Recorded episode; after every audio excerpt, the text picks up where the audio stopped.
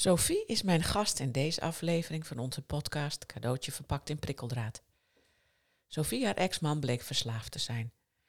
Haar leven werd daardoor één grote overlevingstocht. Ze voelde zich schuldig, schaamde zich en werd geconfronteerd met de meest bizarre situaties. Toen er op een gegeven moment cocaïne bij hen in de brievenbus viel, was het klaar. Ze nam verantwoordelijkheid voor haar eigen leven en dat van hun twee kinderen. Met veel pijn en moeite richtte ze haar leven opnieuw in om uiteindelijk, zoals ze zelf zegt, te herrijzen uit de modder. Ze deelt in de podcast open en kwetsbaar waar ze allemaal tegenaan is gelopen en hoe ze uiteindelijk uit het diepe dal klom. Ze hoopt daarmee iets wezenlijks te kunnen betekenen voor alle mensen die in hun omgeving te maken hebben met verslavingen. Weet dat er een weg is.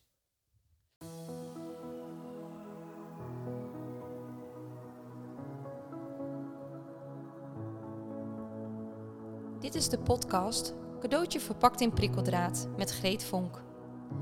Moeilijke tijden zijn ook cadeautjes, hoe lastig ze ook zijn. Helaas zitten ze wel verpakt in prikkeldraad. In deze podcast willen we je inspireren en kennis aanreiken, waardoor je een andere kijk krijgt op de ellende van jezelf of van iemand anders. Met als uiteindelijk doel om een completere versie van jouzelf te worden en of om dat proces bij de ander te ondersteunen.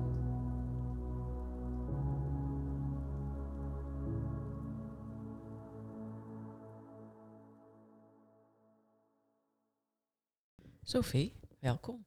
Dankjewel. Jij uh, gaat jouw verhaal delen met ons en het gaat over uh, verslaving.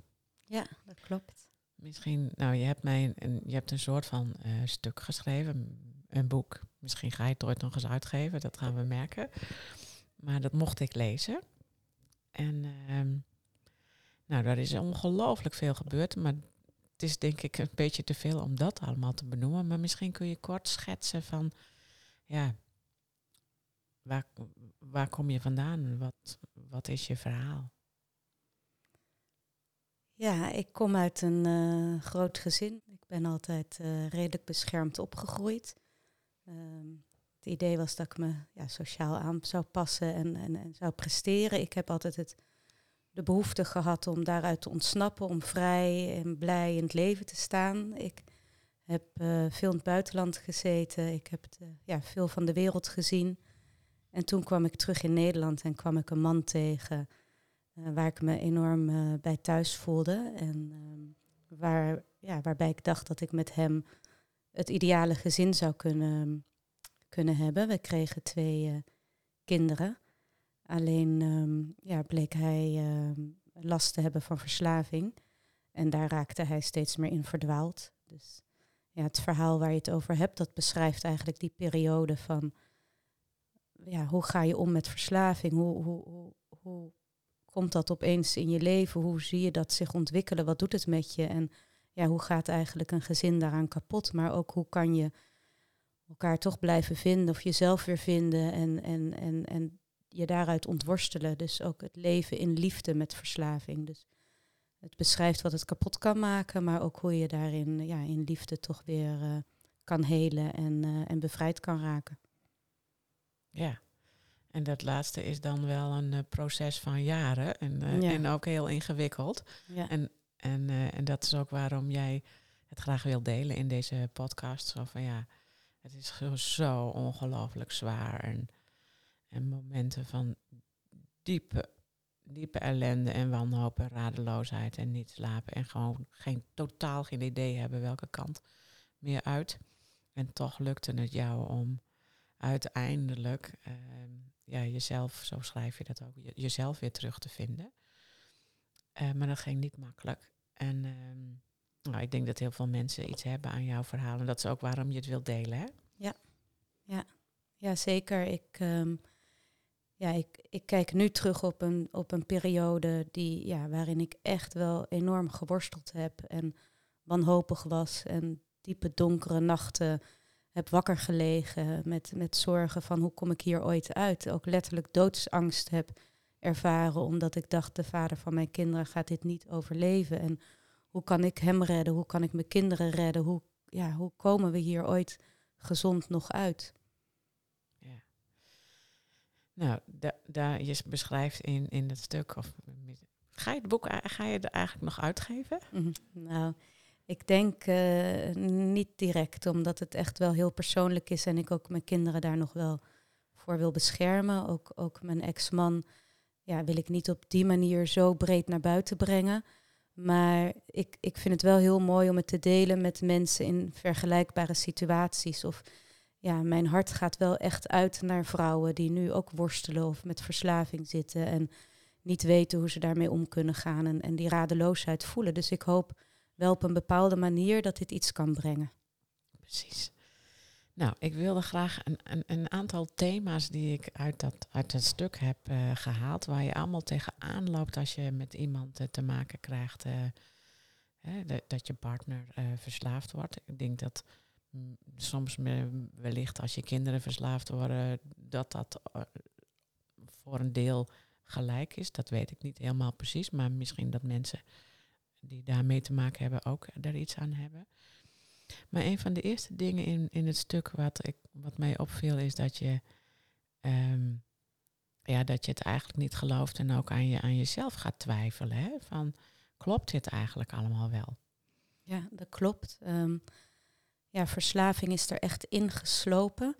En mijn um, ex-man, ja, hij had ons lief, mij en de kinderen. Hij wilde dat ook niet. Dus verslaving maakt ook heel creatief. Hij heeft op allerlei manieren ook geprobeerd dat nog te ontkennen, te verbergen.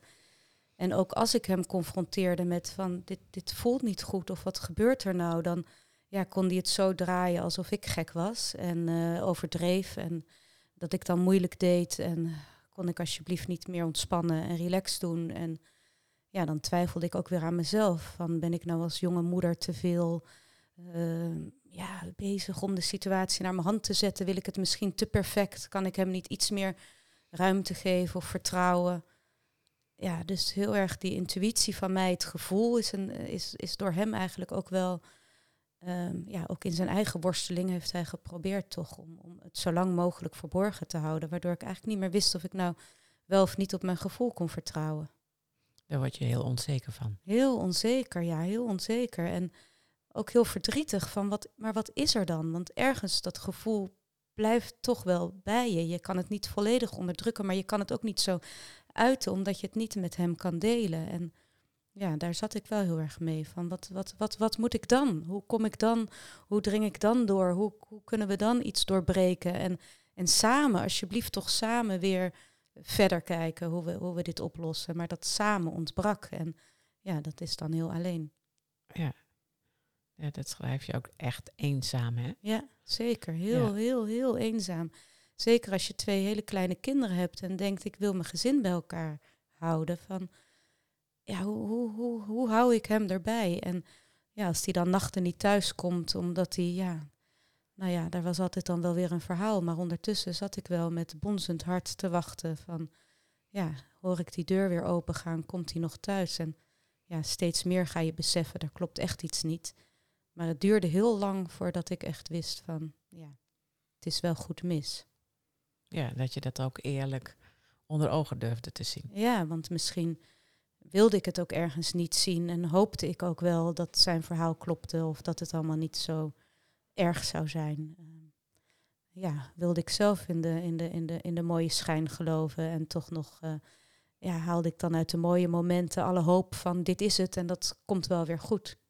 Ja, want jij deelde ook met heel weinig mensen jouw verhaal, hè?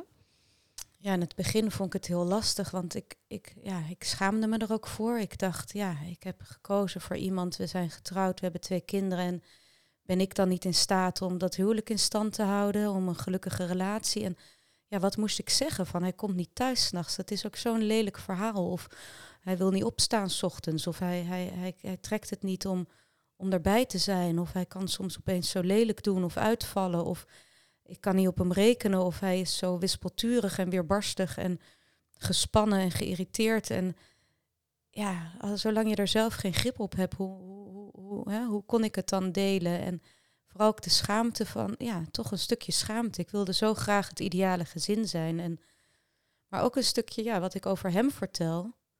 dat blijft ook aan hem kleven. Dus als het maar een fase is, dan wil ik ook niet hè, dat hij voortaan door anderen zo gezien wordt als, ja, dat, dat, ik wilde hem ook niet direct in een kwaad daglicht stellen. Ik, ik vond dat heel lastig, ja. Maar uiteindelijk kon ik het ook niet uh, stilhouden, want toen het duidelijk werd, ja, ook voor de buitenwereld, uh, ja, toen ben ik het wel gaan delen.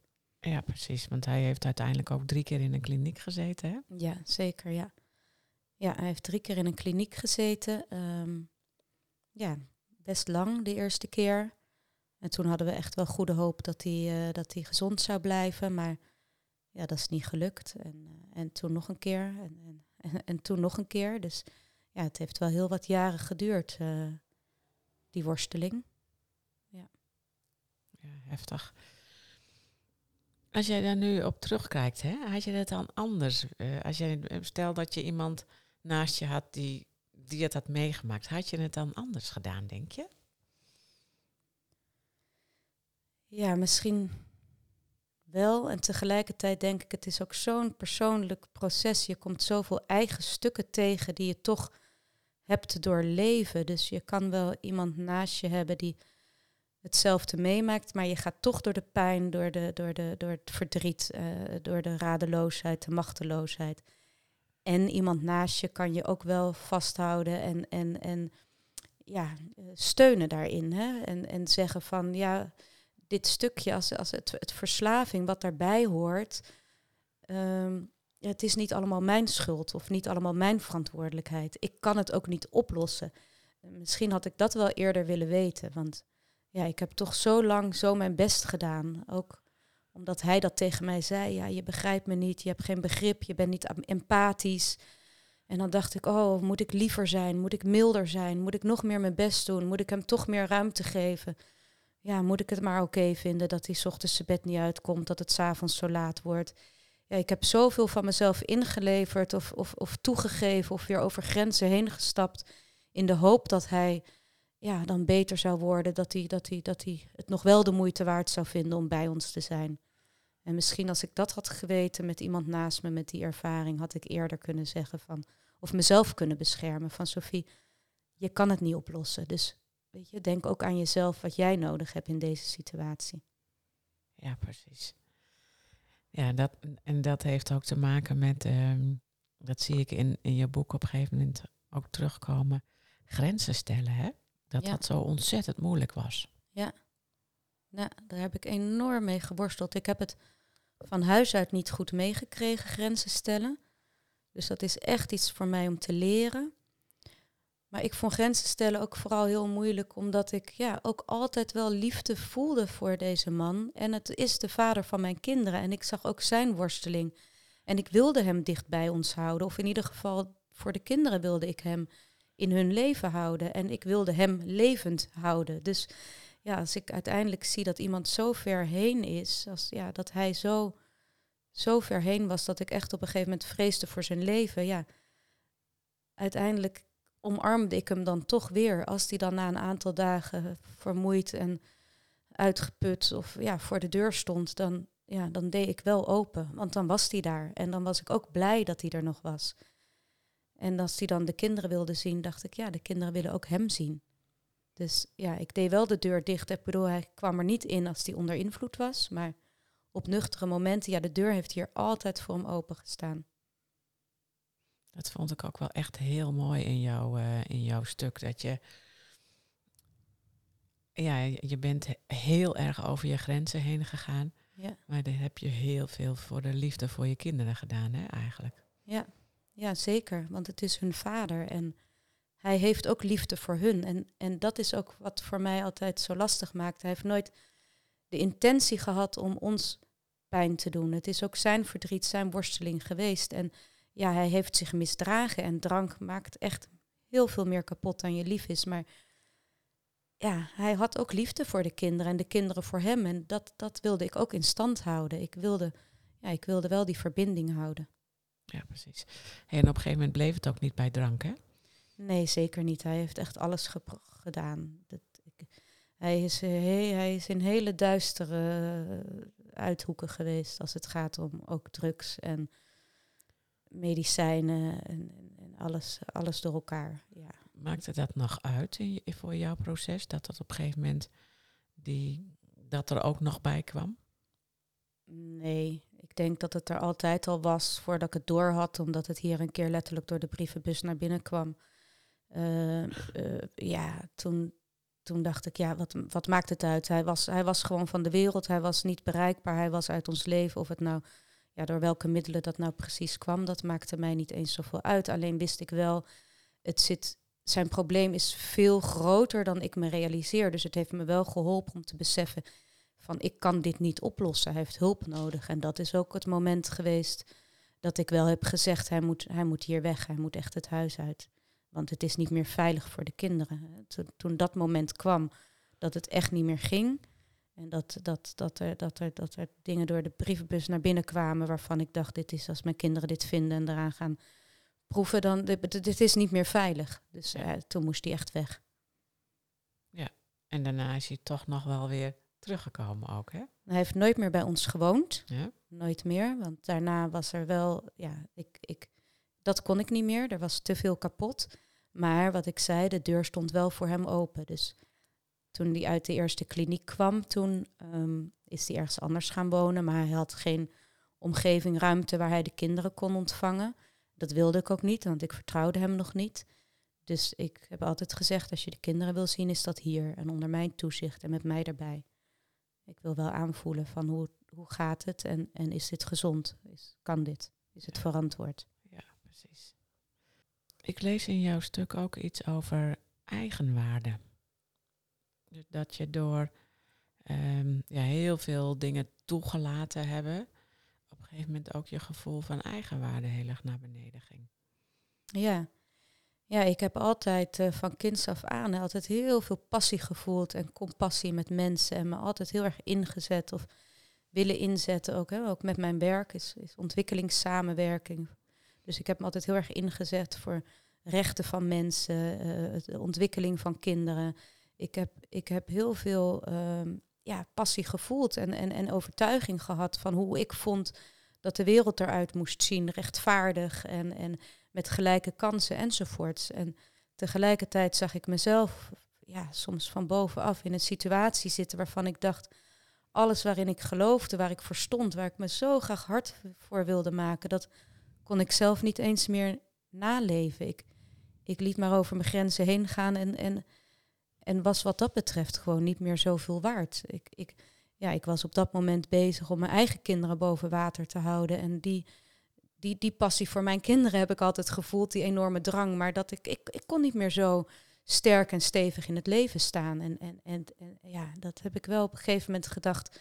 Er moet iets gebeuren, want hoe wil ik verder? Wil ik nu hier binnen blijven en, en ja, mezelf verliezen en, en, en misschien ook verstarren uh, in deze situatie en als slachtoffer ten onder gaan?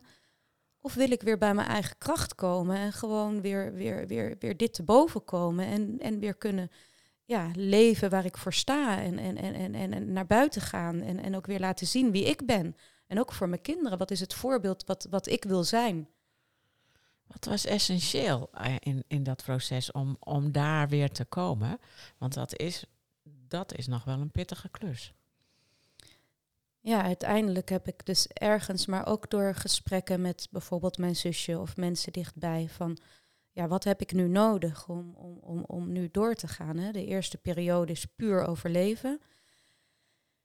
En dan, ja, als je je emoties uiteindelijk niet kan uiten of daar niet een, weg in vindt, dan gaat het zich opkroppen. En dan, en dan word je daar denk ik letterlijk ziek van. Dus ja, uiteindelijk heb ik uh, ja, een soort van retretes gedaan, opleidingen gedaan, uh, meditatie, yoga, eigenlijk van alles aangegrepen om mezelf weer gezond te maken, om, om, om, om dingen te verwerken en weer, weer dichter bij mezelf te komen. Ik heb um, twee jaar lang elke ochtend um, in de zee gezwommen. Uh, het hele jaar door. Dus ook in de koude wintermaanden dat het, dat het he, vroor buiten. Maar die duik in de zee was letterlijk voor mij puur noodzakelijk om achter me te laten wat me tegenhield, wat me dwars zat, wat me wat, me, wat, me, ja, wat me klein maakte. En, en, en, en weer op te duiken uit die zee met nieuwe energie, nieuwe kracht. En ja, dat, dat voedde mij. Dat had ik nodig om dan weer mijn dag op te bouwen en, en, en, en te kunnen staan voor wat ik belangrijk vond.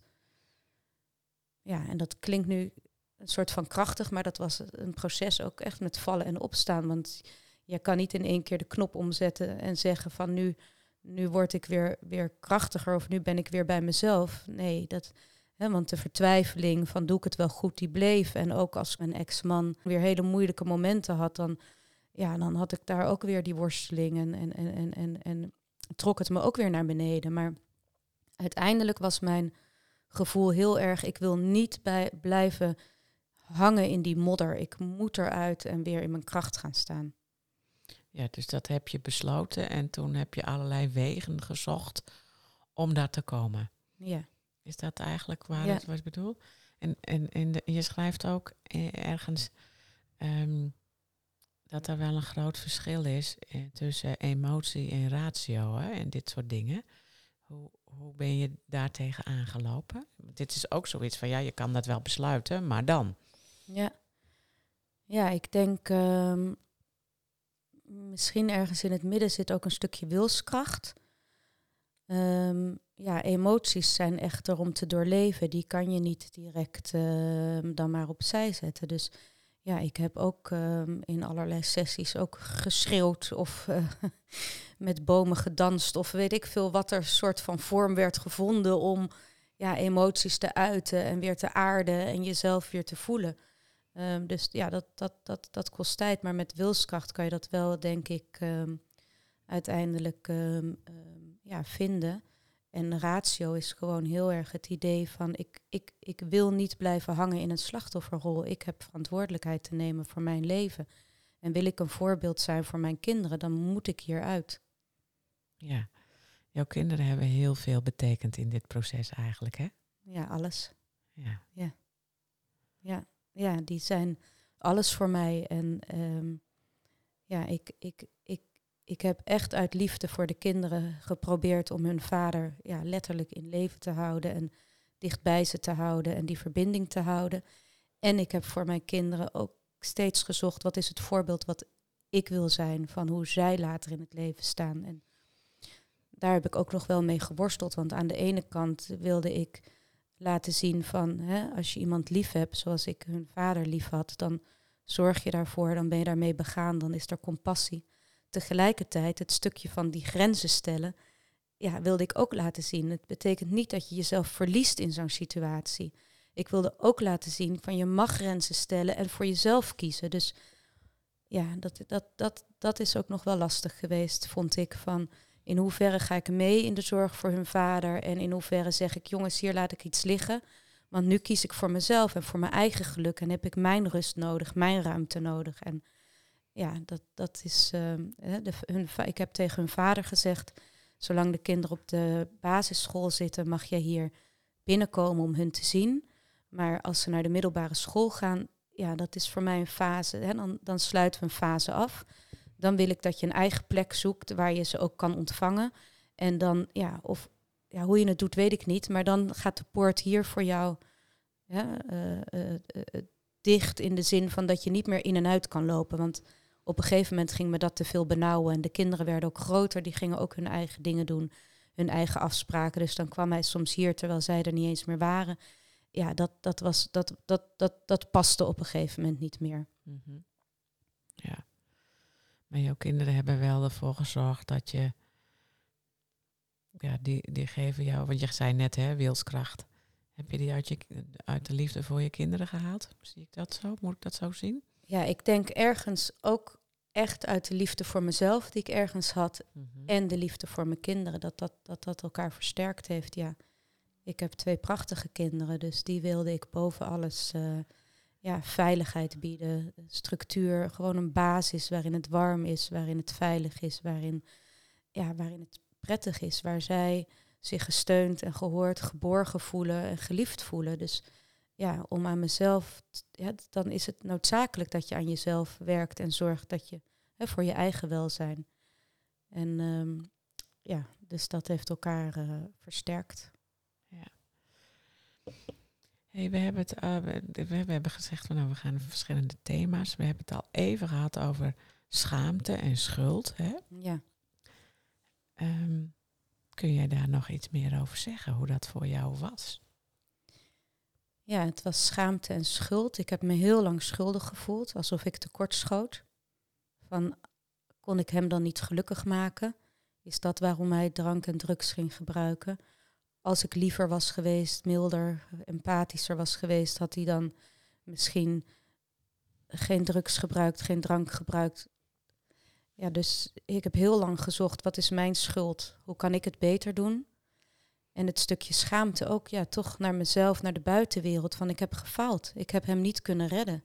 Ik, ik kan niet zijn verlossing zijn, ik kan hem niet beter maken. Ik, ja, ik ben tekortgeschoten.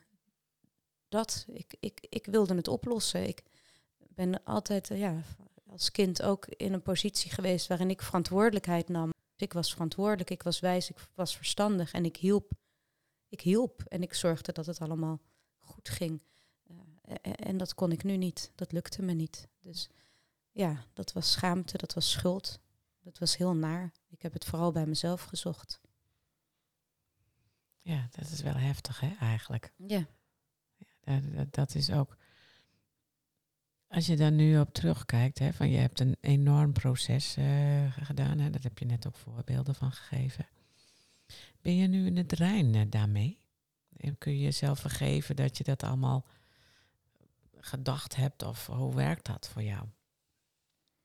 Ja, ik zie het als een stuk ontwikkeling. En ik denk, ehm, ja, ik kan ook die fase van mezelf of hoe ik toen was, kan ik ook echt wel omarmen. Omdat ik denk, ach, jeetje, wat, wat zwaar is dat dan ook geweest als je die schuld en die schaamte voelt. En ook met twee van die kleine kinderen, ook naar de buitenwereld. Hè. Je brengt ze elke dag naar het schoolplein waar allemaal blije moeders staan of vaders rondlopen om die kinderen op te halen. En ja, wat is ons verhaal? Hoe, hoe lelijk is dat? Mijn kinderen waren net zo mooi als de rest, maar ze hebben een vader die hè, in een kliniek zit of die er niet kan zijn. En, en, en ik probeerde zo erg dat op te houden. Of, of ja, ik wilde ook voor hen dat het, dat, het, dat het goed was. Dus ja, ik zie wel, nu kijk ik terug van, ach, weet je.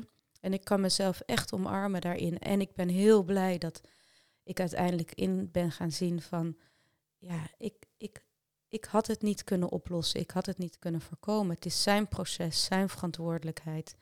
En ik heb hem wel op bepaalde momenten kunnen steunen, maar ik kan hem met geen mogelijkheid beter maken. Dat heeft hij echt zelf te doen. En, en, en daar ben ik heel blij omdat ik dat nu zie. En, en, en dat geeft wel een stuk bevrijding en verlossing. Het is niet meer mijn verantwoordelijkheid. Ik heb verantwoordelijkheid naar mijn kinderen. Dus om de band met hun vader te behouden, daar zal ik mijn best voor doen. Ook als er echt iets is, dan ben ik er voor hem. Tuurlijk, hij is de vader van mijn kinderen, ik hou van hem. Maar hem beter maken, hem bij de hand houden, hem steeds weer verzorgen tot het. Dat kan niet. Daar moet hij nu echt zijn eigen weg in gaan vinden. En ik weet wel dat er altijd achter alles liefde zat. En daar heb ik vooral heel veel vrede mee. Ja, mooi. Ja, liefde zeggen ze wel eens overwint alles, hè? Ja. nou, als je zoiets overwint, dat is wel uh, knap werk. Ja. ja.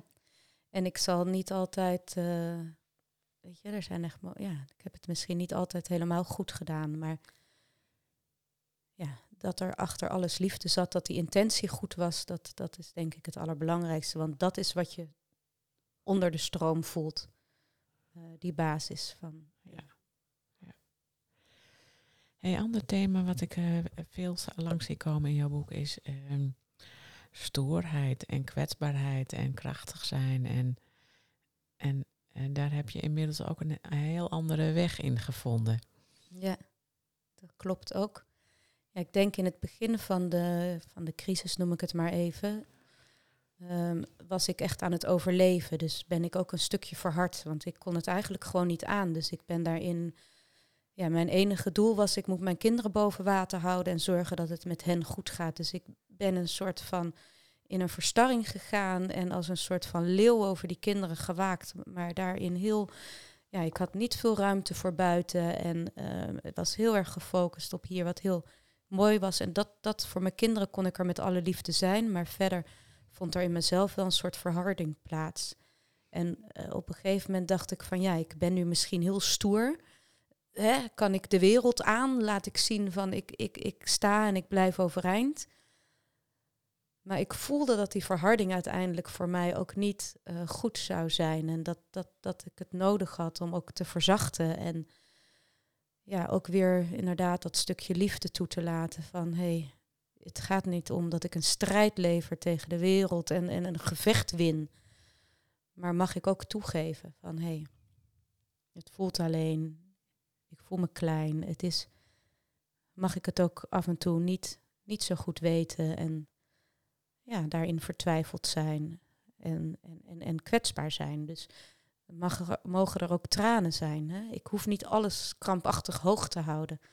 Uh, dat, dat was misschien noodzakelijk in het stukje overleven, want anders was ik in één keer onderuit gegaan en, en hè, had ik er niet voor mijn kinderen kunnen zijn. Maar na een tijdje voelde ik echt, ja, die kwetsbaarheid is nu ook nodig om de emoties te doorleven, om te verzachten en echt in liefde en rust te kunnen zijn. Ja, ja je, je zei, gebruikte net ook al even de woorden toegeven. Dat vond ik heel mooi in uh, wat je hier dan over schrijft van het verschil tussen opgeven en toegeven. Ja, ja, dat was voor mij echt een inzicht. Want heel lang heb ik gedacht, ik mag deze strijd niet opgeven. Ik moet er iets van maken. Ons huwelijk moet slagen. En ik zat echt in een soort van strijd en, en, en, en, en ik wilde de strijd niet opgeven. En toen dacht ik op een gegeven moment, maar hé, hey, kijk, kijk, zie, wat is nu de, de realiteit? En is het niet belangrijker om daaraan toe te geven? Van, het kan niet zo. Ik, het gaat er niet om of ik een strijd win, maar kan ik toegeven dat de situatie op dit moment niet te redden is? En kan ik daarin niet gewoon ja, weer naar mezelf komen en, en, en een andere weg kiezen die ja, beter is nu voor mij, voor de kinderen, voor ons gezin. En ja, op die manier mijn weg vinden. Ja, dus eigenlijk ook toegeven, want dat voelde in het begin heel erg als falen. Ja, ook toegeven, ik kan, ik kan het niet beter maken. Nee. wij, wij hebben falen is heel vaak wordt gezien als negatief begrip, hè? Ja. Als het dan niet meer gaat. En wij hebben het heel vaak over vermogen om te falen. Ja, nou ja, dat, dat denk ik ook. Want uiteindelijk was dat denk ik ook heel dapper moment voor mij om te zeggen, oké, ik geef toe. Ja. Ik heb het niet in de hand. Het is een ik kan het niet. Ik kan dit niet. Ik kan het niet beter maken. Ja, het is eigenlijk een soort van kwaliteit dan, hè? Die, dat vermogen om te falen. Ja. ja, om dat toe te geven. Ja, en dat was zeker voor mij ja, een moment waar ik ja, het loslaten, ja, daar kwamen ook weer heel veel emoties bij. Maar ook een stuk ontspanning. Oké, Hè? Dit, dit is het, een soort overgave. Ja, precies. En dan zit er, zit er niks anders op dan, dan je eigen weg te gaan. Ja. ja. En onderweg maakte jij ook in dat proces allemaal hele gekke dingen mee. Hè? Een, van de dingen die ik zo las bijvoorbeeld, is dat er, dat, dat er zomaar een loonbeslag op jou, bij, bij, bij jou was. Ja, inderdaad. Dat was heel, heel, heel naar dat ik op mijn werk werd geroepen bij personeelszaken dat ze mijn loon moesten inhouden. Ja, dan schaam, schaamde ik me natuurlijk ook enorm. En ik was ook eerst verbaasd van hoe kan dat nou? Want ik heb altijd zo alles netjes op orde en, en, en, en verantwoordelijkheid. En maar ja, toen besefte ik dus al snel van, oh jee, mijn ex-man heeft wel heel veel meer schuldig gemaakt en is nog veel dieper gezonken dan ik voor mogelijk had gehouden.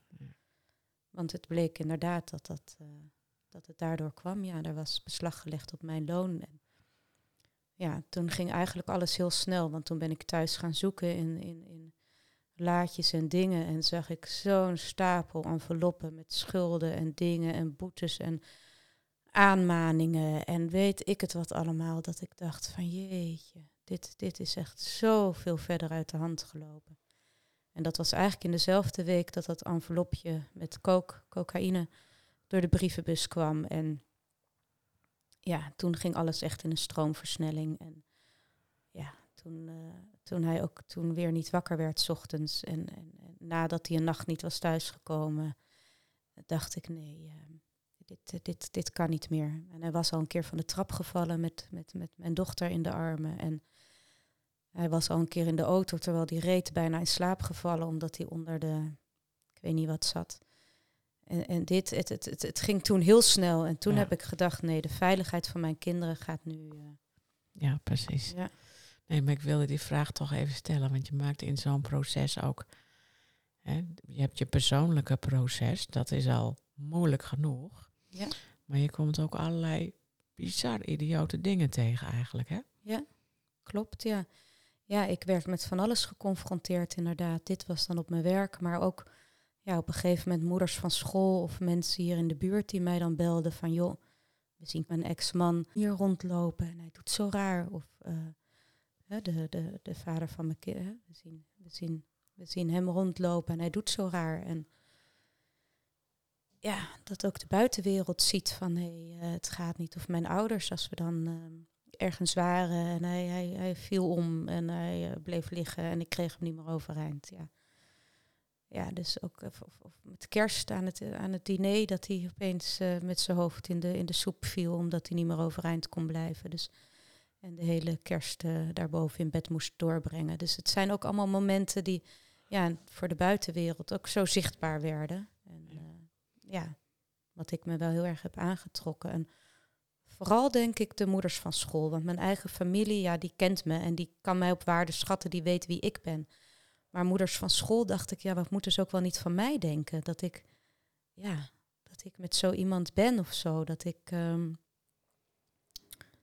ja, hoe straalt dat af op de kinderen en op mij? En durven ze hun kinderen nog bij ons te laten? Dat zijn ook de vriendjes en vriendinnetjes waar mijn kinderen graag mee spelen. Ik hoopte zo, en dat heb ik altijd mijn best voor gedaan, dat, hè, dat ze hier, dat ik, ik wilde het altijd gezellig hebben thuis. En ik nam ook iedereen mee naar de speeltuin, naar de, nou ja, naar de kinderboerderij, naar de, weet ik veel, het springpark, enzovoorts, enzovoorts. Iedereen kon hier pannenkoeken eten en logeren, want ik wilde juist die gezelligheid, die onbezorgdheid, dat vrolijke, onbezorgde jeugd aan mijn, aan mijn kinderen meegeven. Dus dit, ja, dit, dit soort voorvallen waren dan wel heel, heel vervelend.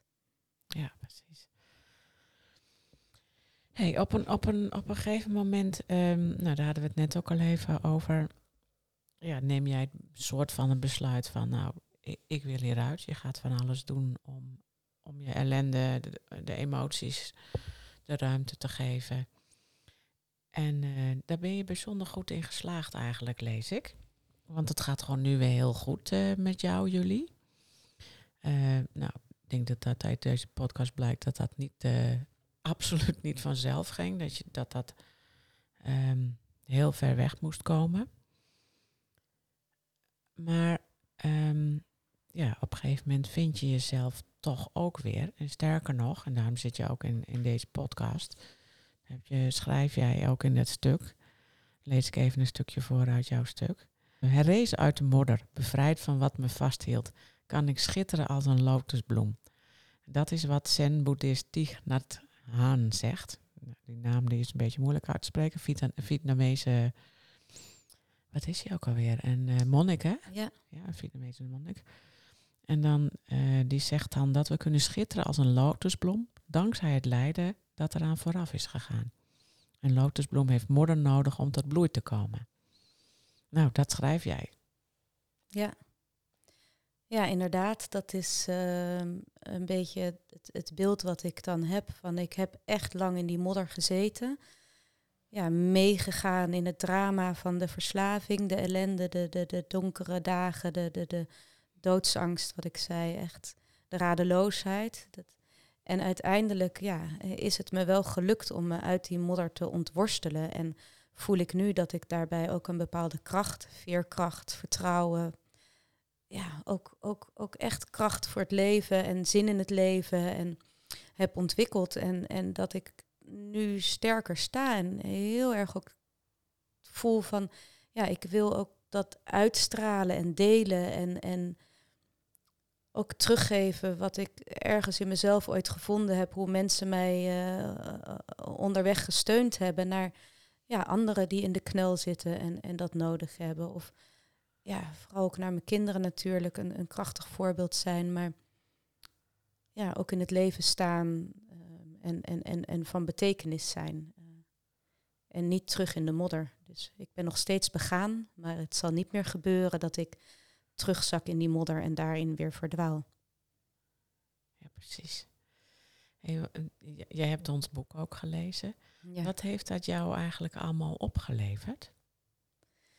Nou, de stappen die jij of wat jij hebt hè, in jouw boek wel een aantal punten genoemd van hoe kunnen mensen ook groeien door trauma. Ons boek. Ons boek, sorry, ja, jullie, jullie boek. Ehm, zeker. Dus ik denk een stukje vertrouwen in het leven. Dat ik denk, ja, het leven is echt wel heel mooi en je kan daar veel van maken. Hè? Als je de verantwoordelijkheid neemt, kan je je leven vormgeven op een manier die voor jou van betekenis is en, en, en waardevol is. Hè? Wat, wat gelukkig kan maken. Ehm, ja, veerkracht. eh, Weten dat, dat ik, dat ik ja, stormen kan doorstaan. Ehm, hè, al is het heus niet dat ik nog in, eh, eh, af en toe eh, onzekerheid of wat dan ook ervaar. Maar er zit ergens wel. Je bent een- gewoon nog mens. ik ben zeker, absoluut mensen, absoluut. Dus Ja. dat is het maar wel, ja, dat ik veerkrachtig kan zijn, heb ik wel, heb ik wel gevoeld. Ehm, en één ding in jouw boek vond ik heel mooi. Het stukje van wat streef je na? Is dat steeds geluksmomenten of is het meer een vorm van eh, hoe kan je van betekenis zijn of wat kan je bijdragen? En dat heb ik heel erg ook gevoeld van ja, een stukje dankbaarheid eigenlijk voor hoe ik hieruit ben gekomen.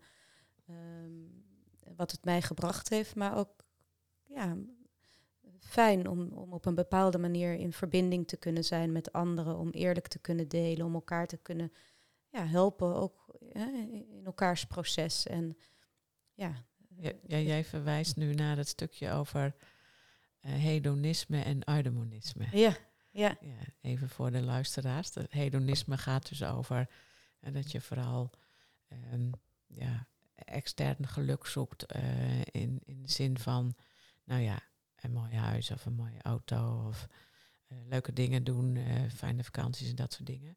En daar is niks mis mee, want dat gun je iedereen. Maar wat je vaak ziet is dat als mensen dit soort ellende doorleven, dat ze daar een andere vorm van geluksbeleving aan toevoegen. Dat noemen we dan het eudemonisme.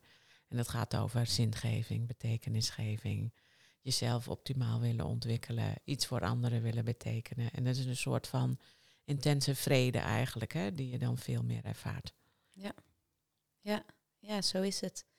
Heel sterk besef van we hebben allemaal verantwoordelijkheid hè, voor elkaar, voor deze wereld. En ja, laten we allemaal vanuit onze eigen bescheiden positie bijdragen. En wat we doen, laat dat, hè, laten we goed doen. En, en, en steunend zijn. En, en ja, bijdragen aan iets wat, wat positief is. Ehm, dat, dat vind ik heel mooi. Laten we elkaar werkelijk zien en, en, en luisteren. En ja, laten we, laten we elkaar tot steun zijn eigenlijk. Ja. Eh, ja. Ja, en dat doe jij ook in je werk. Hè? Daar zei- liep je- riep je net al, of vertelde je net al, van, eh, dat je veel in het buitenland ook betekent voor mensen die, eh, kinderen vooral, die in armoede leven. Ja, inderdaad, dat is mijn werk. eh, dus ontwikkelingssamenwerking. En we doen veel projecten met kinderen in de knel om die ehm, te helpen om, om ja, gelijke kansen, dat ze gezien worden, dat ze hun potentieel kunnen ontwikkelen en ja, hè, de rechten van kinderen, dat we die kunnen realiseren wereldwijd. Ehm, ja, en, en ik zoek ook gewoon hier verbinding met mensen. Dus ook dat staat in jouw boek een stukje van ja, relaties of vriendschappen. Ja, ik vind het heel mooi als je in ik heb niet meer honderdduizend vrienden, niet dat ik die ooit had hoor, maar het is misschien wat kleiner geworden, wat beperkter. Het aantal mensen ehm, ehm, die heel dicht bij me staan, maar wel intensiever in de zin van, of, of waardevoller voor mij dan in ieder geval in de zin van, ja, dat ik het zo belangrijk vind als je echt met elkaar kan delen en open kan zijn en ja, voor elkaar van betekenis kan zijn. Ja. Dus ja, het is denk ik van heel dichtbij tot heel groot in de wereld zien van, ja, Ja, dat heeft jou, dat delen, dat heeft jou in je proces ook heel erg nog geholpen. Hè? Dat je Ja. op een gegeven moment kon delen. Ja. Ja. Ja, een beetje de schaamte voorbij. ehm, Ja.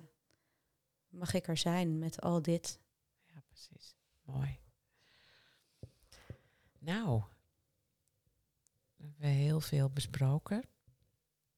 Ehm, is er nog iets wat jij zou willen zeggen tegen mensen die in een soortgelijke situatie, het is nooit hetzelfde, maar die in een soortgelijke situatie zou komen of zijn als waar jij zat.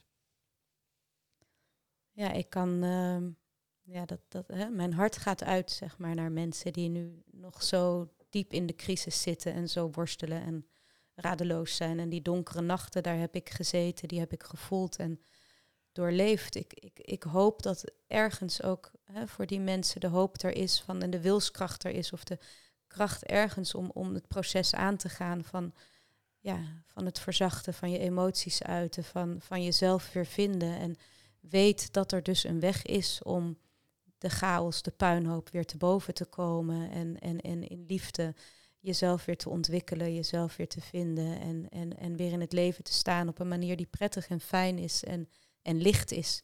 Hè, dat je ook van deze verslaving eh, weer bevrijd kan raken in die zin.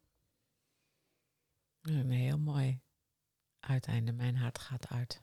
Ja, maar dat is echt oprecht waar. En ik zal al die mensen ja, echt willen omarmen en zeggen, je bent ook niet alleen hierin. Hè? Eh, eh, ja, zoek ook mensen op die je kan vertrouwen. En, en kom je schaamte en schuld, de pijn en de puin, kom, kom, kom daaruit. En laat jezelf zien en gun het jezelf om, om geholpen te worden. En jezelf, hè, verlos jezelf daarvan. En, en ja, uit de modder.